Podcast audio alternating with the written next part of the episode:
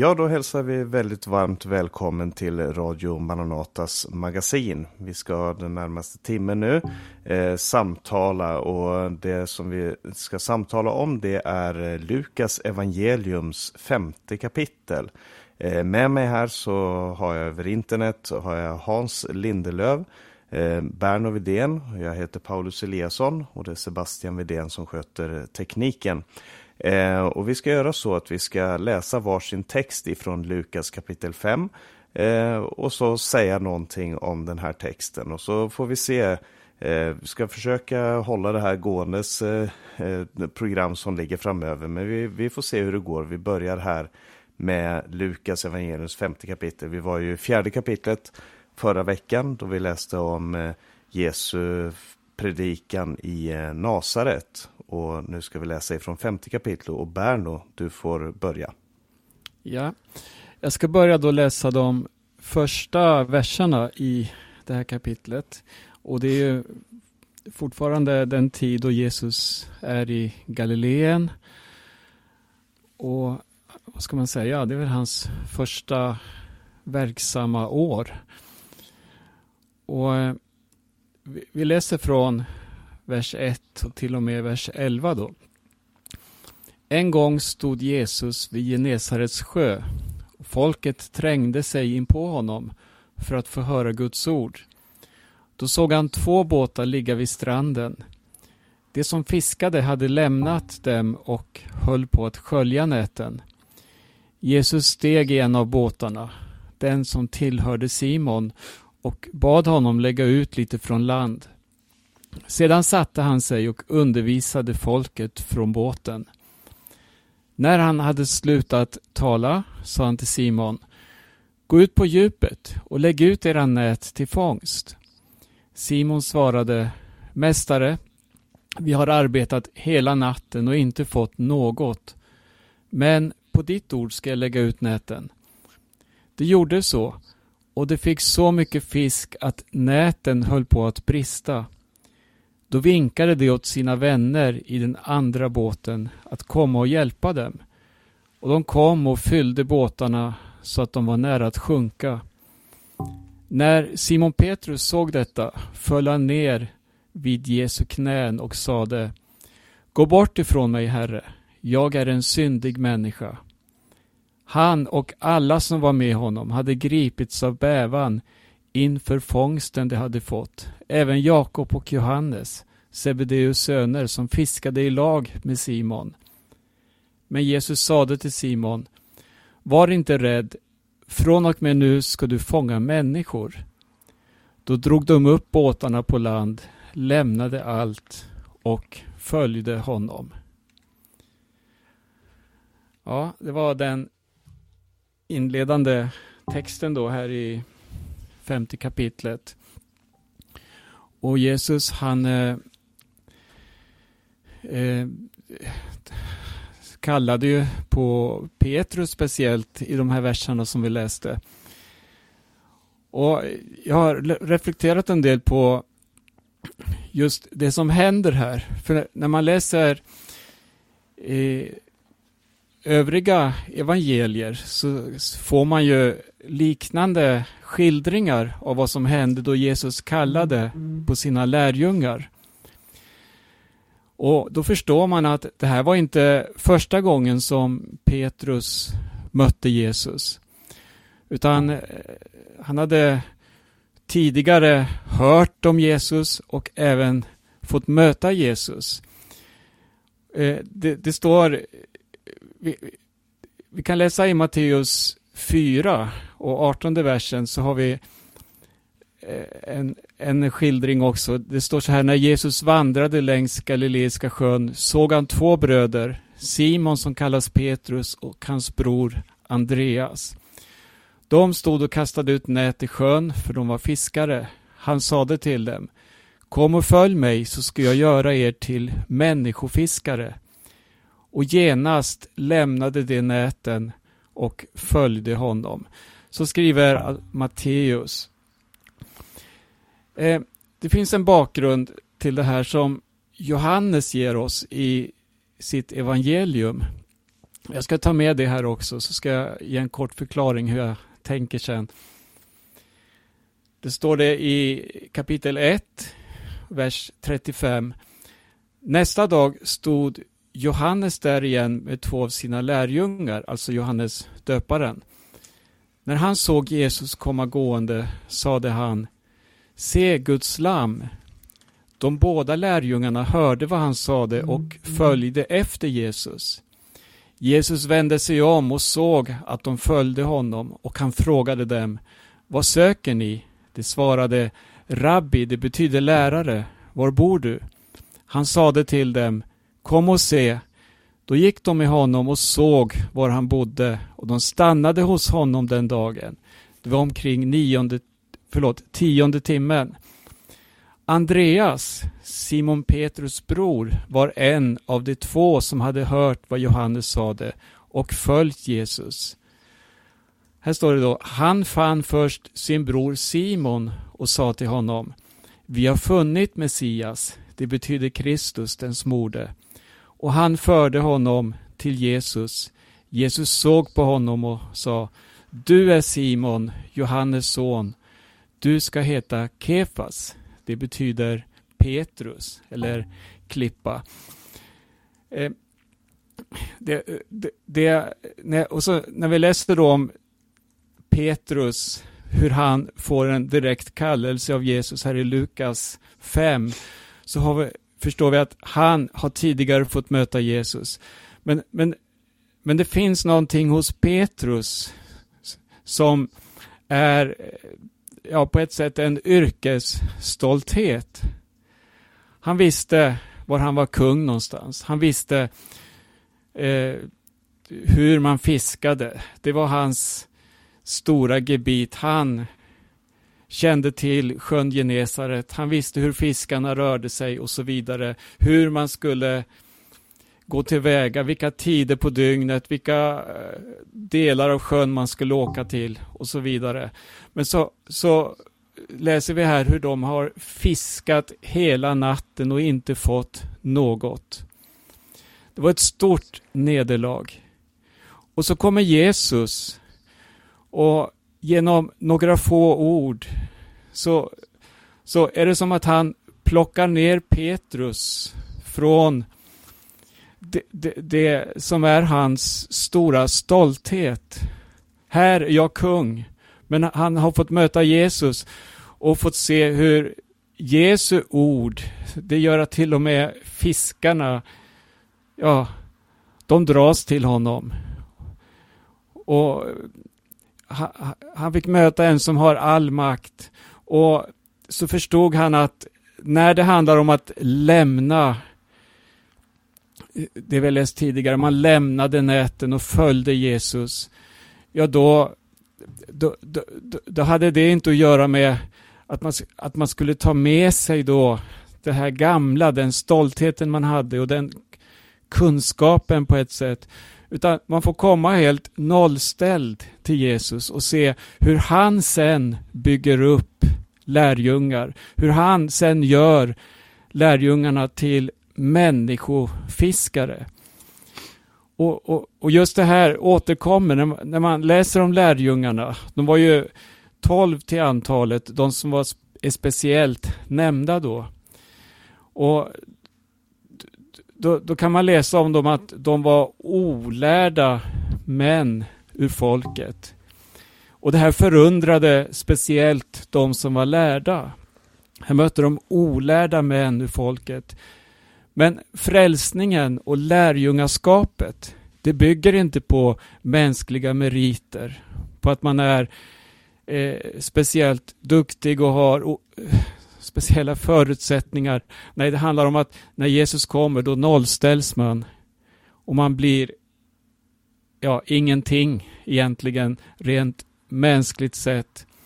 Men eh, det här är inget negativt, utan det som bryts ner det är det här, eh, vad ska vi säga, mänskliga och det här som vi så många gånger förlitar oss på här i tiden, det som är en framkomlig väg här i världen.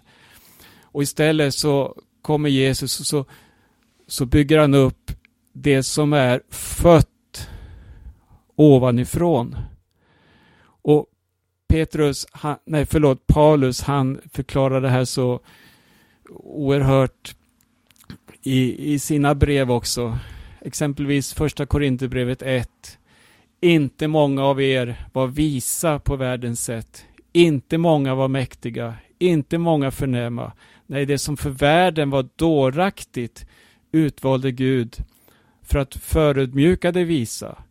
Och det som för världen var svagt utvalde Gud för att förödmjuka det starka. Det som för världen var obetydligt och föraktat och inte fanns till, det utvalde Gud för att tillintetgöra det som fanns till, för att ingen människa ska berömma sig inför Gud.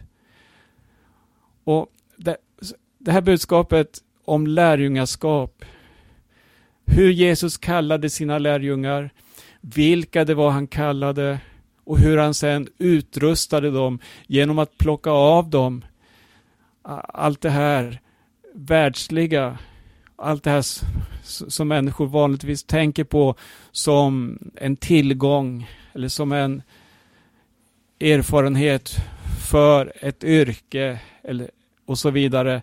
Här, här var det no någonting som var så mycket mera. Nu ska han växa till och jag förminskas. Ja, det var några reflektioner inför just det här att bli kallad av Gud. Man ser att det, det finns en möjlighet för alla som har ett öppet hjärta och säga ja till Guds kallelse att få bli utrustad av Herren Jesus Kristus själv. Han har sett, sänt oss den helige Ande och den helige Ande vill ta sin boning i, i oss var och en på det här sättet. Amen. Amen, ja tack ska du ha. Eh, ja, det är fantastiskt den här kallelsen av, av eh, Jesu lärjungar. I nästa kapitel så nämns det också att det var tolv stycken eh, apostlar eller lärjungar som Jesus speciellt eh, eh, utvalde. Och som vi förstår så var det inte för några eh, egna kvaliteter, någon egen helighet. Precis som Simon Petrus säger i mötet med Jesus, gå bort ifrån mig Herre, jag är en syndig människa. Eh, och det, var, det är väl den erfarenheten man får göra när man kommer nära Jesus. Men, men sanningen är ju den att Jesus har verkligen ett uppdrag för de som, för de som faller ner inför honom och som förstår sin egen syndighet. Eh, när man läser vidare här i berättelsen så står det att Jesus eh, eh, möter en spetälsk man eh, som eh, ber om att få bli ren och Jesus helar honom. Han räcker ut handen, rör vid honom och säger jag vill bli ren. Eh, och så sägs att ryktet om Jesus sprids, alla människor kommer till honom men han själv drar sig ofta undan i ödemarken och bad. Och sen kommer en text här från vers 17 där jag ska överlämna till eh, Hans att eh, dela med sig, läsa den här texten och dela med sig några tankar omkring det. Hans, varsågod. Ja, vi, vi är i 17 versen ja, i Lukas evangelis femte kapitel. Då, då, heter, då står det så här. Nu hände sig en dag då han undervisade folket att där satt några fariseer och laglärare. Sådana hade nämligen kommit dit från alla byar i Galileen och Judeen och från Jerusalem och Herrens kraft verkade så att sjuka blev botade av honom. Då kom några män dit med en lam man som de bar på en säng. Och de försökte komma in med honom för att lägga honom ned framför Jesus. Men då de för folkets skull icke kunde finna något annat sätt att komma in med honom steg de upp på taket och släppte honom tillika med sängen ned genom tegelbeläggningen mitt ibland dem framför Jesus. När han såg deras tro sa han, min vän, dina synder är dig förlåtna. Då började de skriftlärda och fariseerna tänka så, vad är denne för en som talar på så hädiska ord? Vem kan förlåta synder utom Gud alena? Men Jesus förnam deras tankar och svarade och sa till dem, vad är det ni tänker i era hjärtan? Vilket är lättare att säga, dina synder är dig förlåtna, eller att säga, stå upp och gå. Men för att ni ska veta att Människosonen har makt här på jorden att förlåta synder, så säger jag dig.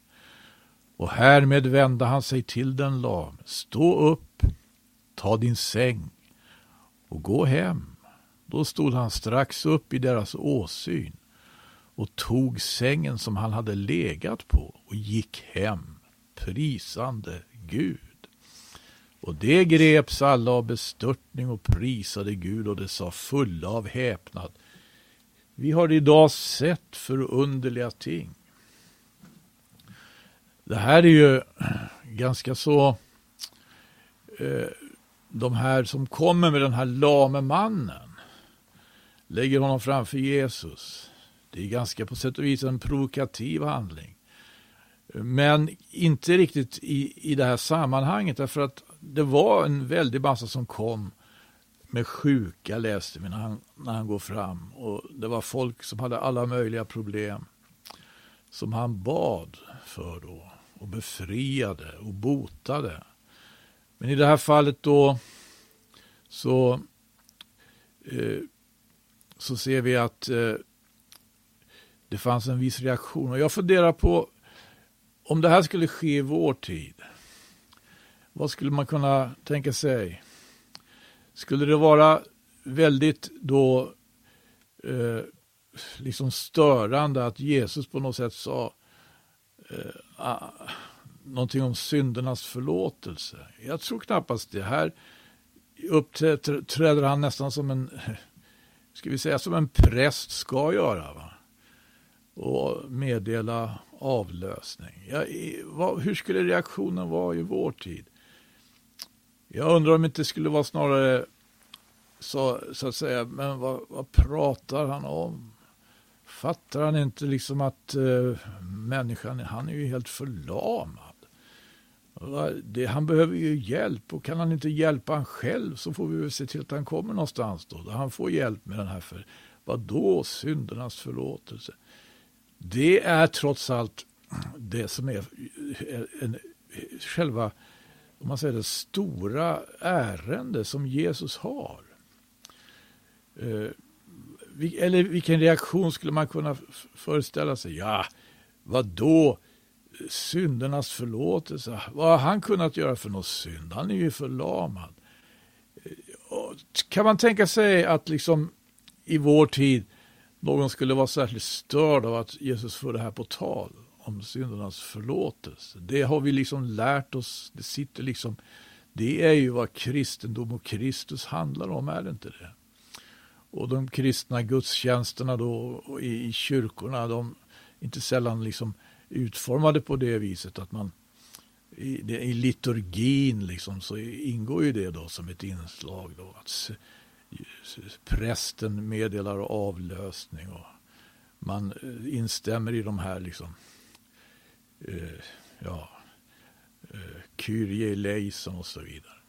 Och när vi predikar i evangeliskt kristna församlingar som inte är så kyrkliga, ja det, det sitter ju liksom det här, det har med Jesu, det är hans ärende. Det är, men när, när vi läser om Jesus så, så ser vi, det är faktiskt intressant, att det här ärendet, det, det var inte alldeles eh, enkelt för honom att, att få fram.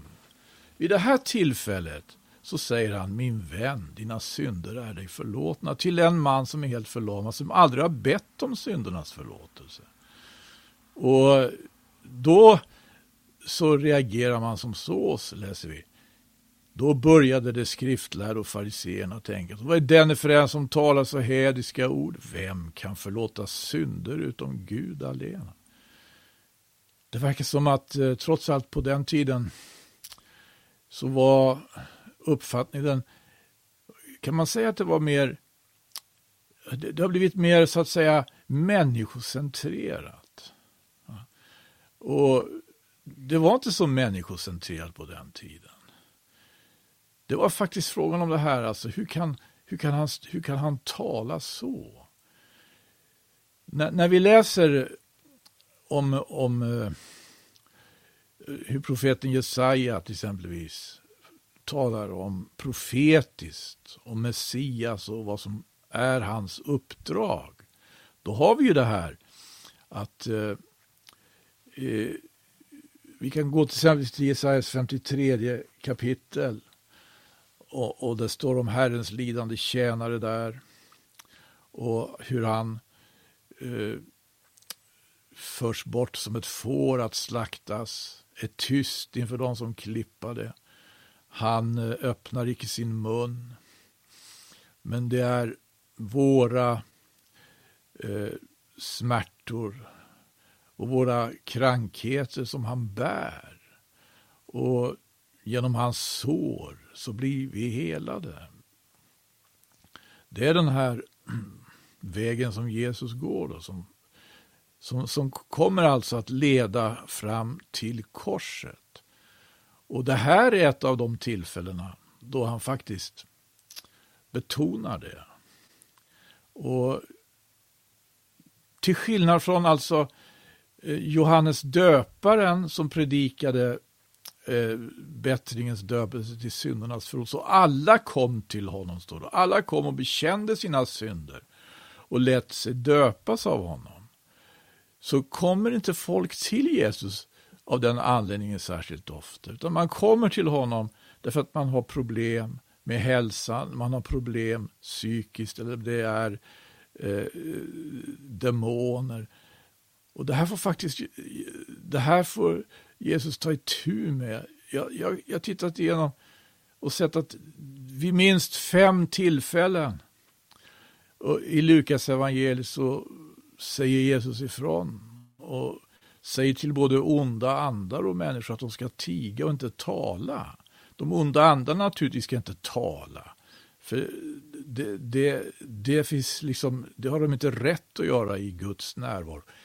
Men människor som han botar får veta det, att de ska inte tala om det här. Det gäller, det gäller eh, den som blir botad från spetälska tror jag också i samma kapitel här. Det gäller även vid andra tillfällen. Och Det har väl att göra med, som jag förstår, alltså att det, hela hans uppdrag skulle förryckas om det blev så att han bara var han, hans, han säger, uppfattas som en som botar sjuka eller som en som befriar från onda makter. Hela hans uppdrag skulle förryckas.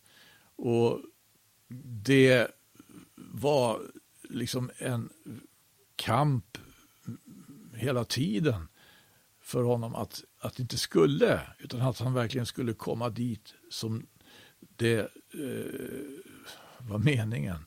Att han skulle göra. Och det, det, det här kulminerar kanske då vi i Getsemane örtagård läser om hur han blir arresterad. Och, och, och, säger, jag har suttit var dag i helgedomen, ni har inte kommit och, och, på det viset som ni gör. Och så är det någon som vill försvara honom, drar sitt svärd och då säger han, stick ditt svärd i skidan. Och hur, hur, skulle, hur skulle skrifterna kunna fullbordas som säger att så måste ske? Det var den här vägen han skulle gå. Här lyfter han fram det som är hans verkliga ärende. Människor blir störda då på den tiden därför att vem kan förlåta synder utom Gud alena? Det, det, ja, jag liksom lite sett, försökt se det här lite, från lite olika utgångspunkter. Hur skulle man reagera i vår tid? Och så se det i hela evangeliets så att säga, sammanhang. Mm. Ja. ja, tack ska du ha. Det var intressant. Jag eh, får fråga dig Berno om du har några nå tankar eller kommentarer till den här texten också som vi, och det vi har hört Hans tala om här. Mm. Eh, vad jag tänkte på inledningsvis när Hans började, det var just det här att de skriftlärde fariseerna reagerade så kraftigt och kallade Jesus för hädare när han förlät synder. Och då tänker jag på vilken bild de då hade om Jesus. Vi läste i det fjärde kapitlet och då var ju det här nedsättande eh, omdömet man gav honom då han stod i Nasaret, hade öppnat bokrullen och föreläste då i synagogan. Och där, där sa man dels att det var nådens ord han kom med, men samtidigt påminde man just om att, men vad är det här? Det är ju snickarsonen. Och, och sen då i kapitlet som vi läser nu, snickarsonen går ut på gatorna här och botar sjuka och förlåter synder. Och det finns väl ingen som kan förlåta synder. Det är en lång procedur för att förlåta synder. Man måste gå till prästen, man måste ha ett offer, en ritual då i templet för att eh, bli förlåten. Men så kommer Jesus mitt ibland folket som en vanlig människa, som en enkel människa, som en tjänare. Och bara står där, bara visar. Här är lösningen, här är svaret, här är evangelium. Mm. Kom och ta för er. Bli förlåtna, bli nya människor, bli helade. Få era sår helade. Ja, lite sådär. Ja, och jag, jag, tänker också på det att både i den här berättelsen om när Jesus botar en spetälsk så står det att han rörde vid honom eh, och, och, han blev frisk. Och man, man hade ju, alltså när en, om en spetälsk person eh, kände till att han var spetälsk så fick han inte röra vid någonting och ingen skulle röra vid honom för att då blev den personen eller det som han rörde blev också orent. Och det handlar ju om en rituell orenhet som gjorde att man inte kunde komma till templet. Men, men eh, från Jesus så utgår den en kraft till rening. Och i nästa berättelse så står det att från Jesus utgår det en kraft till, till eh, förlåtelse. Och det är ju otroligt att, eh, och, och som du sa Bern och som Hans också nämnde, det, det, Jesus är liksom ett, han är som ett vandrande tempel. Det som, det som man inte fick till på något annat sätt, det som annars var saker och ting som man, som man försökte institutionalisera och som, som hörde till eh, de religiösa platserna och så vidare. Det var Jesus bara när han gick runt och talade med människor och, och rörde vid människor, förlät människor deras synder och så vidare. Jag tycker det är fantastiskt att, att se hur, hur Lukas också är med på teckna den här bilden av vem eh, Jesus är. Eh, och sen när man, när man fortsätter att läsa den här eh, historien då så, så eh, direkt efter det här, det, då, folket säger det vi har sett idag är ofattbart. Och Jag tror jag ska läsa ända från den 27 versen eh, det som, och ut kapitlet där det handlar om, om eh, Levis eller Matteus kallelse. Det står så här, sedan gick Jesus ut och han såg en tullindrivare som hette Levi sitta vid tullhuset. Han sa till honom, följ mig. Då lämnade Levi allt och reste sig och följde honom. Levi ordnade en stor fest för Jesus i sitt hem och en stor mängd tullindrivare och andra låg till bords med dem. Fariseerna och deras skriftlärda kritiserade hans lärjungar och frågade Varför äter och dricker ni med tullindrivare och syndare? Jesus svarade dem Det är inte de friska som behöver läkare utan de sjuka. Jag har inte kommit för att kalla rättfärdiga till omvändelse utan syndare. De sa till honom Johannes lärjungar fastar ofta och ber böner, likaså fariseernas, men dina äter och dricker. Jesus sa till dem ni kan väl inte få bröllopsgästerna att fasta medan brudgummen är hos dem. Men det ska komma dagar då brudgummen tas ifrån dem och då, under de dagarna, kommer de att fasta. Han berättar också en liknelse för dem. Ingen skär en lapp från en ny mantel och sätter den på en gammal. I så fall skulle han förstöra den nya manteln och lappen från den nya skulle inte passa på den gamla. Och ingen häller nytt vin i gamla säckar. I så fall skulle det nya vinet spränga säckarna och vinet skulle rinna ut och säckarna bli förstörda. Nej, Nytt vin ska hällas i nya säckar. Och ingen som har druckit gammalt vin vill ha nytt, för han säger det gamla är bäst. Eh, och det här är avslutningen på, på det här kapitlet och det är en eh, speciellt svar som Jesus kommer med här. För att eh, han, han eh, provocerar då människorna, eh, inte avsiktligt, men, men människor blir provocerade av hans sätt att, att eh, gå in till de här människorna som, som ansågs inte vara eh, inte vara värda det, inte vara värda ens gemenskap, som man helst höll utanför eh, gemenskapen i samhället. Och eh, så Levi var ju en sån person då som, som eh, var tullindrivare och de, och de, de var eh, samarbetade med den romerska statsmakten. De, de ansågs vara oärliga, de ansågs vara eh, lurendrejare på många sätt, eh, utsugare. Eh, men den här mannen eh, möter Jesus och säger följ mig och han lämnar allt och följer Jesus. Och sen frågar de eh, Jesus först varför han äter och dricker med tullindrivare och syndare.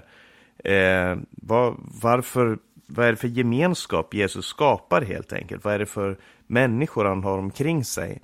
Eh, vi brukar i vår tid säga att säg mig vem, visa mig vad du äter så ska jag säga vem du är. Eller visa mig dina vänner så ska jag säga vem du är.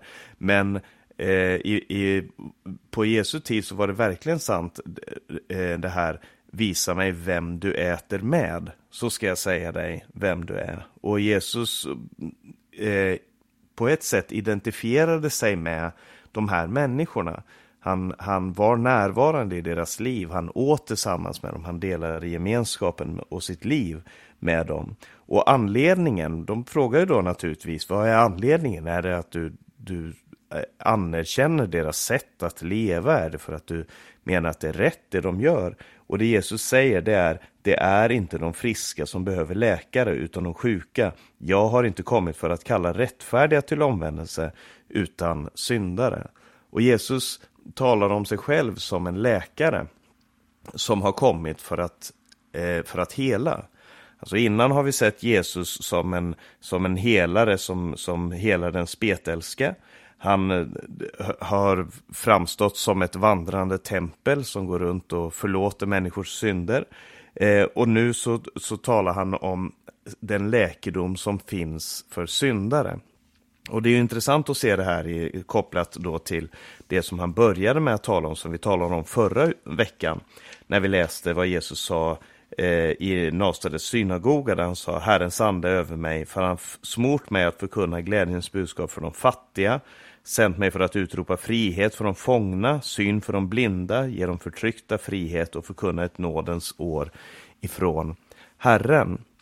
Och eh, det är verkligen det Jesus gör. Han, eh, det är inte bara ord, utan han går verkligen ut och han helar människor. Han kallar de fattiga, han kallar syndarna eh, och han skapar en, en ny måltid. Och han kallar den här måltiden för ett bröllop. För, för de frågar honom varför fastar och ber inte dina lärjungar när Johannes lärjungar gör det. Ni äter och dricker och Jesus säger ni kan väl inte få bröllopsgästerna att fasta medan brudgummen är hos dem. Och här beskriver han sig själv som en brudgum som har kommit för att kalla en brud. Eh, som har kommit till sin bröllopsfest. Eh, och, och det jag tror att Jesus vill demonstrera för dem är att nu har någonting radikalt nytt brutit in i historien.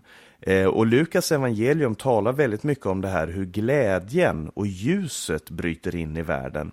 Änglarna kommer eh, när eh, herdarna är ute, i, som det står i samma område så var det en, en grupp herdar ute.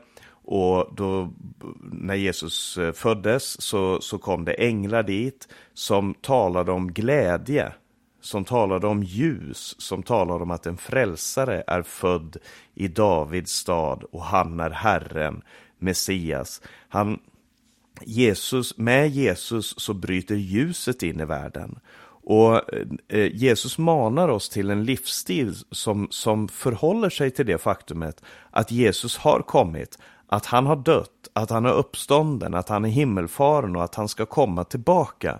Eh, och, och, det här manar oss till glädje som bara finns hos en brudgum som, eh, eh, som bara finns hos en brud som väntar på att få möta sin brudgum. Som församlingen ju är, är Kristi brud. Eh, men samtidigt i vår tid så finns det ju också något i det här som manar oss till fasta och bön. Precis som Jesus säger här, det ska komma de dagar då brudgummen ska tas ifrån dem och då under de dagarna kommer de att fasta. Så det, det första man kan säga är att det Jesus vill visa oss här är att med honom så har någonting helt nytt brutit in i historien. Det har kommit en brudgum till jorden så att säga, som, som kallar en brud.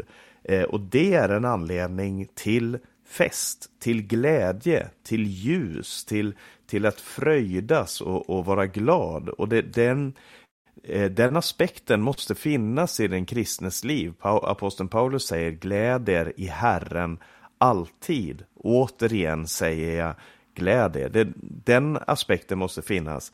Eh, samtidigt så, så, vet vi också, precis som Jesus säger här, att eh, dagar ska komma då brudgummen ska tas ifrån dem. Vi vet att vi befinner oss i adventstider. Vi väntar. Eh, vi, vi väntar att Jesus ska komma.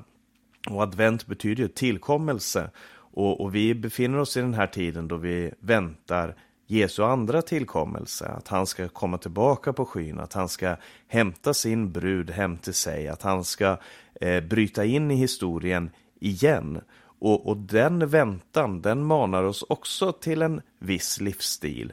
Eh, och, och, och det här, de här två sakerna, eh, alltså det, det här gamla, eh, som byggde på att Jesus ännu inte hade kommit, att Messias ännu inte hade kommit och det nya livet som eh, sättet att leva som kommer i och med att Jesus eh, har kommit, att Messias är en, eh, har varit på jorden, har skapat någonting helt nytt.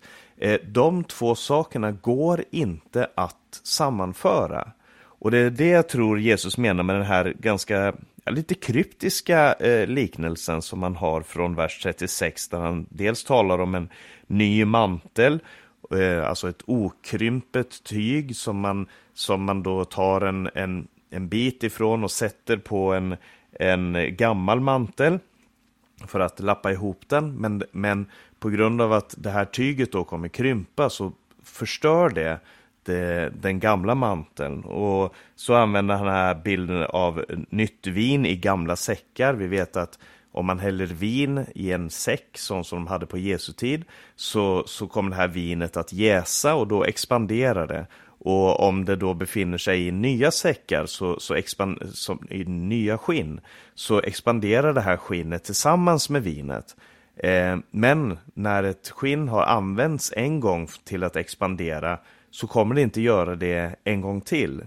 Och det är det Jesus använder som bild för att om du då skulle hälla ny vin i gamla skinnsäckar så kommer de spräcka de här skinnsäckarna. Och, det, och Jesus bjuder in sin samtid till någonting som är helt radikalt nytt. Och det, det är värt att lägga märke till att det han, det han kallar dem till, det är någonting som är radikalt nytt.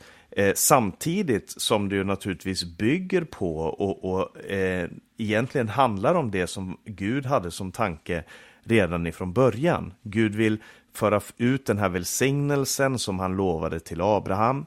Han vill ge dem den, eh, den som skulle krossa ormens huvud som han lovade till Adam och Eva. Eh, och han, han ska uppfylla det, det löfte som han gav till David om att sätta en på hans tron alla de här löftena är uppfyllda i Jesus, men samtidigt så om man lever i den här världen som om Jesus inte eh, har dött och uppstått och sitter på Faderns högra sida, så förhåller man sig inte rätt till verkligheten. Och det gäller för oss idag också. Eh, eh, på, på, samma sätt som Jesusrörelsen på, på den här tiden manade människor till förändring i livsstilen. Eh, Jesus i, i nästa kapitel kommer att undervisa eh, om, om hur han förväntar sig att hans lärjungar ska leva. Och i Matteus kapitel 5, 6 och 7 som vi tidigare har studerat här tillsammans i Radio Maranata så har ju Jesus sin bergspredikan där han talar om hur man ska, hur en, en Jesus lärjunge fastar, hur en Jesus lärjunge ber, hur en lärjunge till Jesus eh, ger, ger eh, allmosor, hur en lärjunge till Jesus eh, förhåller sig till förföljelse, fiendskap och så vidare. Det är någonting helt, helt nytt som sker med Jesus och det, det illustrerar han då med det här nya vinet och de nya säckarna. Och därför så är också frågan för oss, för att även om det här skedde för 2000 år sedan och evangelium har förkunnats i alla de här tiderna, så måste vi förstå också idag att det Jesus kallar oss till nu, det är inte Svenssonliv. Det är inte det livet som, som människor här idag eh, vill, eh, tycker är normalt. Det finns ingenting som är eh, efter vår tids mått mätt normalt med det normala kristenlivet. Därför att vår värld förhåller sig inte till att Jesus är död och uppstånden, att han har farit till himlen, att han regerar och att han ska komma tillbaka. De här sakerna verkar för världen som en dårskap, men eh, för, för, den som eh, tror på honom, för den som har tagit emot det här budskapet, så är det ju någonting radikalt nytt och annorlunda som, som Gud kallar till. Och, och därför så, när, när man läser den här texten så tycker jag att den utmanar eh, även idag på sitt sätt eh, oss att, att tjäna honom, att leva för honom eh, och att leva ett annorlunda liv för honom. För det är fortfarande så att om Jesu liv ska kunna vara i oss så måste vi också vara på det här sättet nya eh, skinnsäckar. Eh, vi behöver vara en ny mantel för att eh, det ska passa ihop. Vi måste tänka på ett nytt sätt för att det ska passa ihop med det som Jesus har sagt. Det var mina tankar om, omkring de sista verserna här i, i eh, texten. Jag vet inte, Hans, har du kanske några tankar omkring hela det här kapitlet och det som vi har läst idag? Någonting mer du vill dela? Alltså, det här kapitlet är riktigt, eh, alltså jag ska säga, eh, det är enormt. Det finns så mycket här. Jag eh, vet inte. Eh, det som jag särskilt uppskattar här kanske, det är det första här med fiskafänget. Det är ett av de ställena då vi ser att eh, eh det, ett, det ena evangeliet så att säga svarar mot det andra. Här svarar ju så att säga Johannes evangeliet väldigt väl mot Lukas evangeliet. Lukas skildring av det här, hur lärjungarna kallades. Eh, det var, det var alltså, Berno läste några, det var, det hade skett ett antal då möten redan med Jesus, mellan Jesus och de här fiskarna. Och nu, nu när Lukas skriver om det så blir det så väldigt eh, speciellt. Liksom. Det, det, och det svarar så oerhört väl mot Johannes evangeliets sista kapitel. För där har vi ett, ett fiskafänge. Då liksom, det svarar så oerhört väl. Därför att det är efter uppståndelsen och Jesus uppträder ungefär som att han inte har uppstått från de döda, fast det är det han har. Han bekymrar sig eh, om deras, liksom, eh, ja, mina barn har ni något, något att äta? frågar han. De, de har inte fått någon fisk, precis som i Lukas 5. Och så när han då ger dem ett råd, och då får de så mycket fisk, precis som i Lukas 5. Och det är liksom ett väldigt mäktigt bevis, inte minst för Simon Petrus, att här har vi ju, här har vi ju han, här är han, samme som vi trodde var död och borta för alltid. Nej, här är han, Jesus lever. Mm. Och, och det här Eh, sista biten också, det, det, är ju enormt det här med, med eh, liknelsen om den gamla manteln till exempelvis. Det, det aktualiserar, det här är ju liksom, här har vi det, det helt, om vi säger generella då, när Jesus kommer med ett nytt förbund, när Jesus kommer med ett dop i helig ande och eld. Och det här ska rymmas i någon form. Eh, ja, då har vi ju vinläglarna. Men alltså det ska vara också en form som håller. Och eh, varje väckelsetillbud genom historien som på något sätt aktualiseras trots allt någonting av det här. Det är inte samma väldiga, så att säga, eh, samma väldiga eh, omvälvning som när, som när han kommer. Men det, det, det är någonting som kan stelna, vet vi. Det är någonting som liksom kan göra ja, det behövs en åtgärd. Det behövs när, när, när förnyelsen kommer, när väckelsen kommer. Det behövs någon, en åtgärd då för att laga det gamla. Vad ska vi göra med den gamla manteln? Hur ska vi laga den på bästa sätt? Ska, va? Och då ska, vi får ju kasta allting kanske. Eller så får vi ja, med Guds hjälp hitta den rätta åtgärden. Men den rätta åtgärden definitivt inte att ta en lapp av okrympt tyg. Nej, Nej precis. Ja, eh, Berno, har du några sista tankar? Vi, vår tid här går ju mot sitt slut, men du kanske har några sista kommentarer mm. på, på det här kapitlet? Ja, Lukas, han presenterar ju Jesus på ett väldigt mänskligt sätt.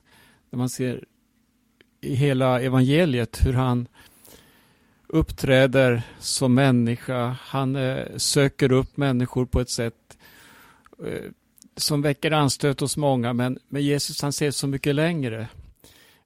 Som här läste vi om tulltjänstemannen eller tullindrivaren. Och Jesus går in till honom.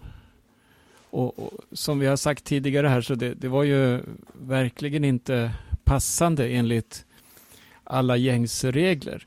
Men, men just det här hur Jesus han söker upp de förlorade. Men han kommer inte med en dom, han kommer inte med krav, utan han kommer och säger som här, följ mig. Eller som man säger till en annan tullindrivare här i samma eh, evangelium, till Sackeus. Det står i 19 kapitlet. Det var en förman vid tullen som hade tillskansat sig mycket pengar då. Och den här Sackeus, han, han var så ivrig att se Jesus. Och han satt där uppe i ett träd, en plats han hade hittat då för att på avstånd kunna se Jesus. Men då, då, då, då kommer Jesus dit och han vet om, han vet att där sitter Sackeus. Och han vänder sig till honom och säger kom, kom ner, jag vill gästa i ditt hem. Och alla mumlade förargat. Han tog in hos en syndare. Och, det, det, det, är så oerhört stort att se hur Jesus han bryter alla barriärer. Han avväpnar människor. Han, han fördömer inte utan han kommer med evangelium som är befrielse och omvändelse.